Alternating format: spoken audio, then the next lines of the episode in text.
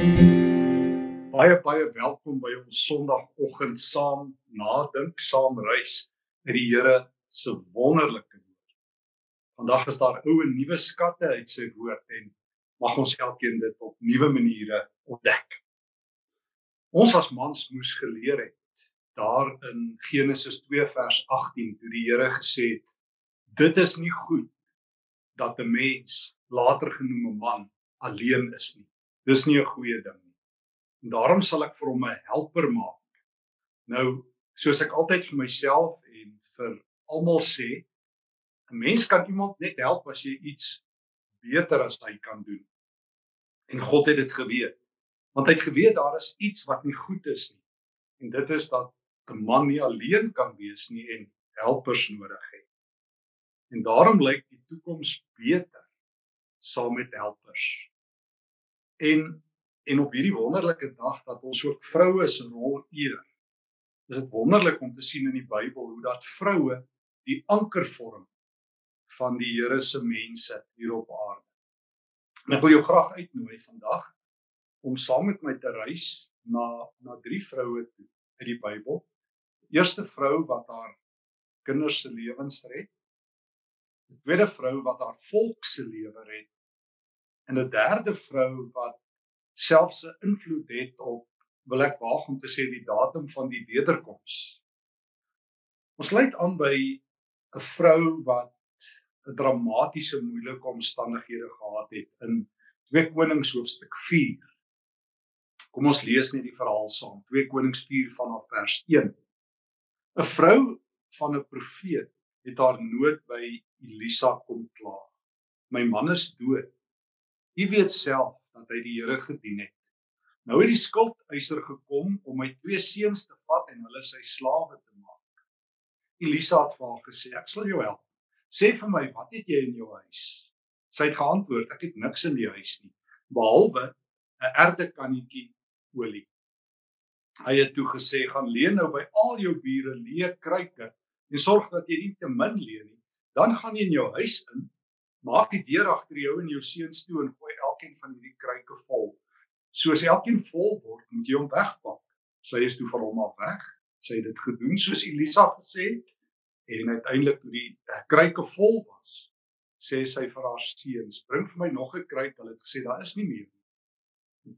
Toe het daar nie meer olie uit die kannetjie gekom nie. Sy het by die man van God aangekom en dit vir hom vertel. Hy het gesê: "Gaan verkoop die olie en betaal jou skuld.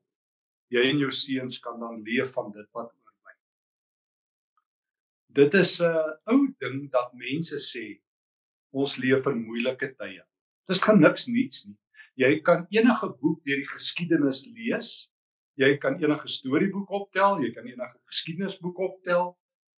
Almal reken altyd hulle tyd is die moeilikste tyd op aarde. Mense is die moeilikste, kinders is die meeste buite beheer, die ekonomie is daarmee, jy noem dit.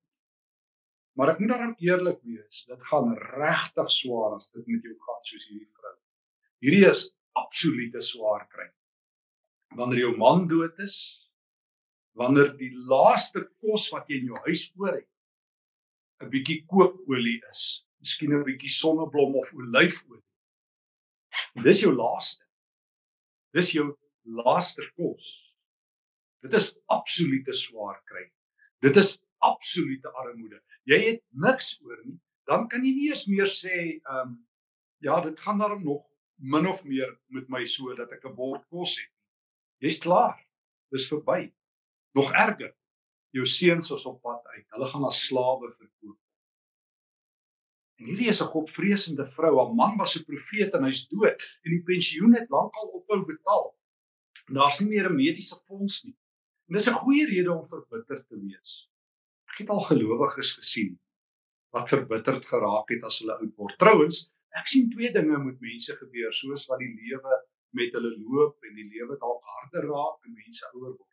Daar gebeur net twee dinge. Of mense word harder, klein bietjie meer ontnigter, 'n klein bietjie meer verbitterd, 'n klein bietjie meer sinies en hulle steek dit net weg. Of hulle raak sagter, meer vol deernis en meer vol liefde. Maar daar's geen middelgrond nie. Mens neutraliseer nie. Jy jy groei. dis die waarheid, jy groei of in die Here of in jouself. En en en en en want as jy stil staan, dan gaan jy dood. Ehm um, die bes, beste en rustigste plekke op aarde is begrafplase in terme van doodsheid en stilte. Maar wanneer jy ophou groei en en en, en hierdie vrou van 2 Konings 4 sy sy groei maar sy groei nie in bitterheid nie. Maar maar sy's desperaat. Haar haar man is dood haar geld is weg. Môre is haar seuns weg. Bid jy dit aan? As dit met jou so sleg gaan dat jou kinders verkoop word om jou uit jou skuld uit te kry. Sy weet nie wat om te doen nie maar sy weet om na wie toe te gaan. Sy weet as 'n vrou dat sy kan waag om via Elisa aan die Here se deur te klop sonder dat sy weet wat sy vra Here help. En vroue wat dit doen deur die eeue is die vroue wat die wêreld verander. Dit gryp my in die hart as ek altyd lees van die vroeë kerk en ons lees altyd die groot verhale van die handelinge gemeente en al die groot dinge. Maar maar die geleerdes vertel ons vandag die ruggraat van die vroeë kerk in die eerste 300 jaar was die vroue die vroue wat wat nie hulle geloof verloor het nie. Die vroue wat ehm um, ewe skielik die hartklop was van huishoudings. En wat net eenvoudig gedoen het wat hierdie vrou doen. Here help. Ek weet nie hoe nie Here. Here gaan my seuns verloor. Ek het alles verloor. En God het 'n hart. God is die hart. God se hart is die hart wat liefde lek soos ons altyd vir mekaar sê God is die een wat hoor as sy kinders naam roep. En dan stuur hy vir Elisa. En dan stuur hy 'n oplossing en dan stuur hy 'n deurbraak. God dank vir 'n vrou wat nie opgee nie. God dank vir 'n vrou wat haar seuns en haar mans se lewe red. God dank vir 'n helper in die huis. Een wat sterker is. Een wat die Here soek.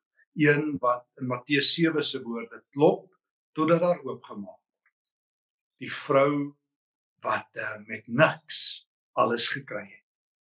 Mag ek jou nooi na 'n tweede vrou toe. En en daarvoor blaai ek na na Ester hoofstuk 4. Ester, die bekende verhaal van die me wêreld. Die eerste vrou wat die in ons terme die mevrou wêreld kompetisie as te ware wen of me wêreld. Ester vertel soos wat jy weet die verhaal van hierdie beeldskone vrou in die paleis van koning um, Xerxes eerste Ahasveros. En ons weet hy het gelewe tussen uh, 486 en 465 voor Christus as hy die koning van hierdie magtige Persiese ryk. En Ester vang sy hart sy oog en sy word die koningin. Sy is 'n Jodin en dan dan word daar mense 'n doodsvonnis oor hulle uitgeroep oor al die Jode in die land. En haar oom Mordegai weet Ester het die koning se oor. Dit beteken nie sy kan doen wat sy wil nie. Die koningin het nie eintlik regte gehad. En dan kom Mordegai na Ester toe en dan sê hy vir haar daai beroemde woorde waar rondom die boek Ester wendel. Um hy kom vra vir Ester, sy moet met die koning praat. Anders gaan al haar land, al haar mense doodgemaak word, vermoor word dan sê hy vir haar: "As jy nou swyg en daar kom van 'n ander kant af uitkoms en redding vir die Jode, sal jy en jou familie omkom. Wie weet? Miskien is dit juis met die oog op 'n tyd soos hierdie dat jy die koningin geword het. Wie weet, mevrou, miskien lewe jy met die oog op 'n tyd soos hierdie. En wie weet, miskien is jou skoonheid toe nie die geleentheid om jou eie handelsmerk te groei. Miskien is dit nie nou die tyd Ester om jou nuutste skoonheidsvelsorgprodukte op die mark te sit. Ek sê daar's 'n fout daarmee as mense dit. Maar Esther, dis nie nou die tyd daarvoor of om jou eie videokanaal te begin of jou eie skoonheidswenke te hê of om te sê, ag weet jy, dit is te duur 'n prys om te betaal nie. Ek het nou hierdie wonderlike posisie nie. Nee nee Esther, God het vir jou gemaak vir 'n tyd soos hierdie. Kom ons stop gou vir 'n oomblik. As jy kon kies in watter tyd sou jy wou lewe? Sou jy in 2020 wou lewe? Dink gou vir 'n oomblik. As jy jou tyd kon kies om in gebore te word, Jou idee van die goeie lewe, die goeie ou dae, die lekker lewe. Waar sou dit wees? Kom op, maak dit nog moeiliker. As jy jou plek kon kies waar jy gebore wou word en jou lewe wou deurbring, sou dit hier wees? Ek kan vir jou 'n brief gee. Meeste mense sou sê, ek wil nie hier bly nie, ek wil ook nie nou lewe nie. Net nou die dag nog, onthou jy? Uh, dit voel soos 'n ewigheid terug. Net nou die dag nog op 31 Desember het ons almal een groot sin vir mekaar gesê: voorspoedige nuwe jaar. Hm, dis nie so voorspoedig soos meeste mense sê nie. Trouwens, dis 'n rampspoedige nuwe jaar. Wie sou kon dink? Wie sou ooit kon dink? Dit is dat ons met maskers sou rondloop, afstand sou hou, dat die nuwe manier van kerk wees eh, is soos wat ons vanoggend doen, 'n uh, paar duisend mense wat saam kan sit van huis tot huis. Wie sou dit ooit kon dink? So, wat sou jy gekies het? En tog kom Mordegai tydloos en sê vir die tweede vrou wat ons aandag vra vir Esther. Esther, jy wie weet, maar ek is al verseker sê hy eintlik vir. Jy is gebore vir 'n tyd soos hierdie. En jy dink dit gaan oor jou skoonheid en alles. Weet jy wat? God het jou gesit waar jy is en hy wil jou gebruik. En hier wys Ester se karakter. Want vroue van karakter verander die wêreld, manne ook.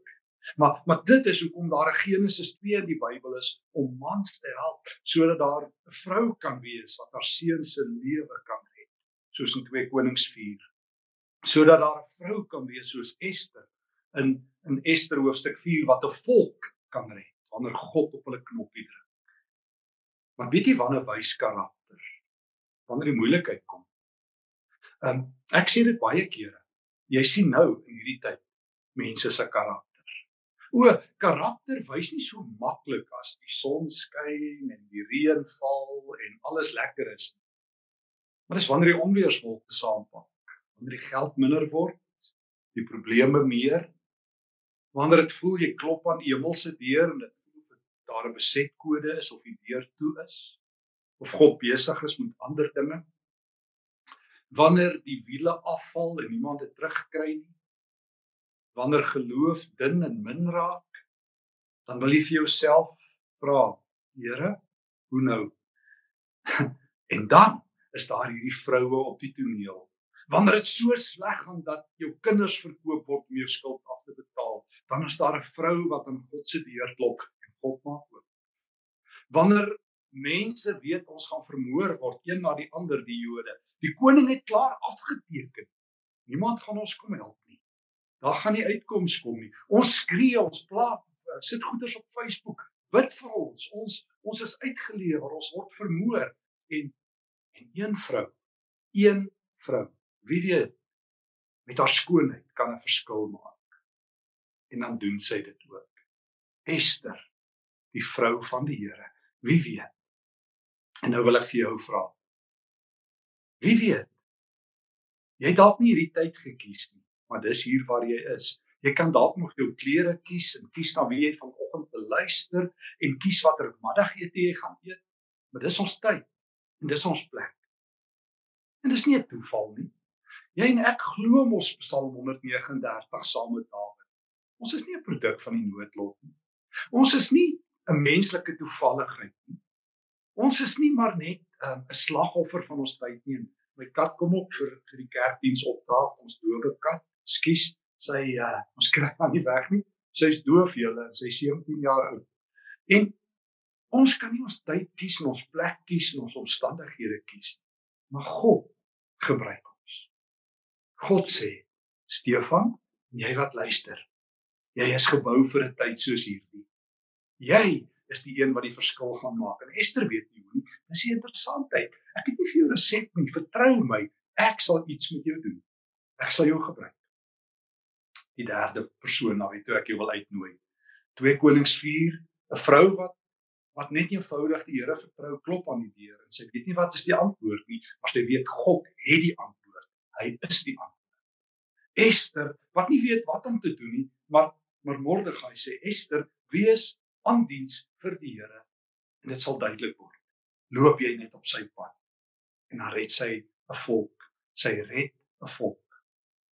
Ons derde vrou, 'n gelykenis van ons Here Jesus. Lukas 18 vers um, 1 tot 9.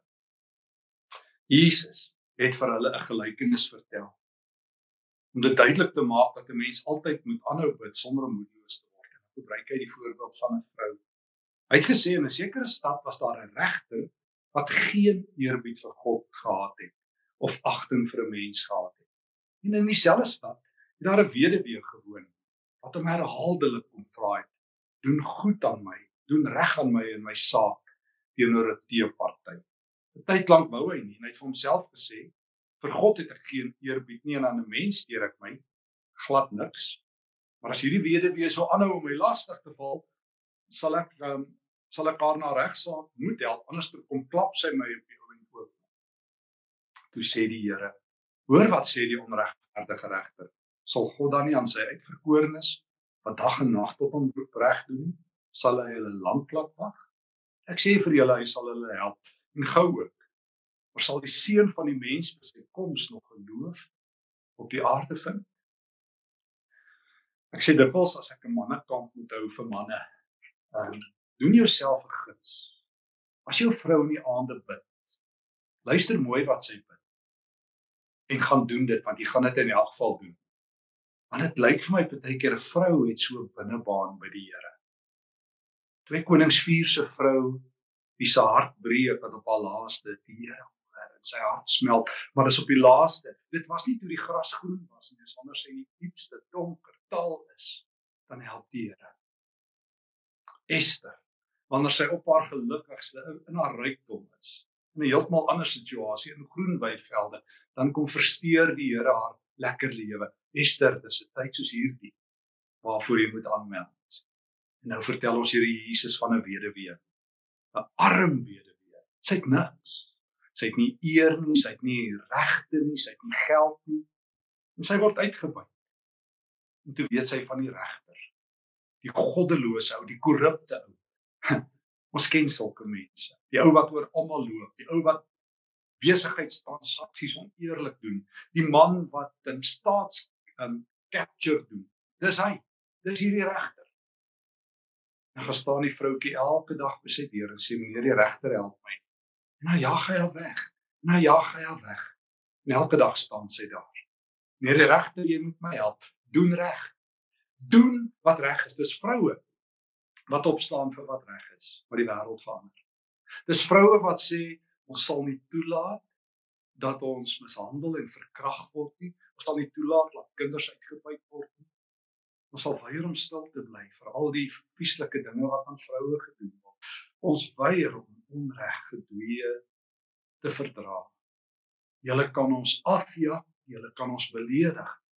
Julle kan ons nie stil kry nie. Dis vroue wat opstaan vir God se geregtigheid. Wat 'n stem word in die wêreld vir God en in God se naam teen onreg. En dan vertel ons Here Jesus, o ek sien sulke vroue raak wat in my naam 'n stem vir die weerloses en die armes is. Want dit is wie God se vriende is. Wanneer laas het jy Psalm 146 gelees? Waar God sy lys van vriende opnoem die weduwees, die weeskinders, die verdruktes, die armes, die vreemdelinge, hulle wat sonder hoop en sonder enige inkomste is. Dit is God se vriende. En dis hierdie vroue wat opstaan en instaan vir hulle wat God se hart vang. En hierdie vroue hou aan en aan en aan en dan uiteindelik swig die regter. Maar dit vat 'n tyd.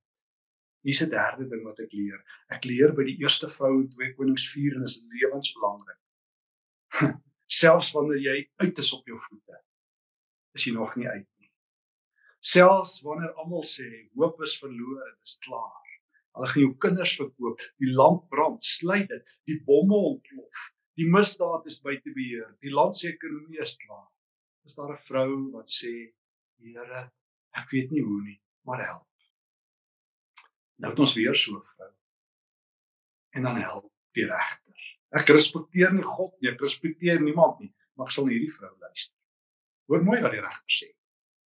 God sê sy kinders het sulke invloed al het hulle geen mag, geen status nie. Ek luister nie eens na God of na mense nie, maar ek hoor hierdie vrou en sy volhard. Nou word sy die rolmodel vir jou en my hier in 2020 in hierdie wat baie mense sou noem onvoorspoedige middeljaar. En nou sê Jesus: Luister, luister my kinders. Sal God dan nie aan sy uitverkorenes reg doen nie? Jesus vergelyk God met hierdie onregverdige regter en sê God is nie so. En en as 'n onregverdige regter na vrou luister, hoeveel te meer sal die Vader in die hemel nie na vroue luister wat na hom roep sê te vliegtyg wat oor vlieg.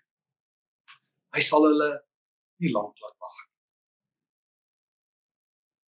Jesus roep ons op.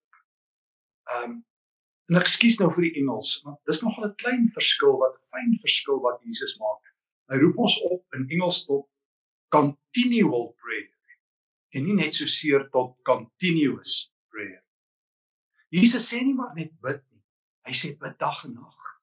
Hy sê nie maar net bid as jy in die moeilikheid is nie. Hy sê staan voor God se deur. Leer by vroue wat dit doen deur die eeue. Hierdie vroue wat in die tyd toe die Nuwe Testament geskryf is, toe daar pandemies was in die Romeinse Ryk, die Christen vroue hulle huise het, vir mense gaan bid het, hulle gaan was het, vir hulle gaan kos gee. Gaan leer by die vroue wanneer hulle verdruk is en vertrap is, daardie mense uh, ingeneem het in hulle huise. Gaan leer by die vroue in Suid-Afrika wat op die plase en in die huise volhard. Al is daar nie hoop nie, al is daar vrees in hulle man se harte, wat elke nag aan die Here se deur klop en sê Here, wees met my huis, red hulle. En Jesus sê, sal God hulle lank laat wag. Maar ek vra vir julle. Hy sal help sê Jesus en gou ook, maar ek vra vir julle sal die seun van die mens by sy terugkeer geloof vind. Dis die ding. Jesus sê dit sal partykeer swaar wees. Dit gaan partykeer vir jou lank voel. God gaan nie elke keer antwoord wanneer jy wil nie. Daarom gaan baie mense hulle geloof verloor. Maar dis die vroue van God by wie jy moet gaan leer. Moenie by elke tweede ou gaan leer wat hulle geloof verloor. Moenie luister jou ore uitleen aan elke ou wat dink gebed is 'n kits versoekprogram waar jy jou gebede by God neersit en dan dan dan is jou gebed se laaste liedjie we want it all and we want it now. Nie jou ore uitleen aan almal wat sê, weet, jy vra en God gee nie. Gebed stryd. Dis om elke dag volhardend te bid. Dit is om volhardend die Here se aangesig te soek. God sal help. Maar sal jy volhard? vra Jesus. Want God gaan nie dalk altyd so vinnig antwoord soos wat jy dit wil hê nie. Sal jy volhard, sal jy by hierdie vroue leer. Want God het ook nie sulke resepte nie.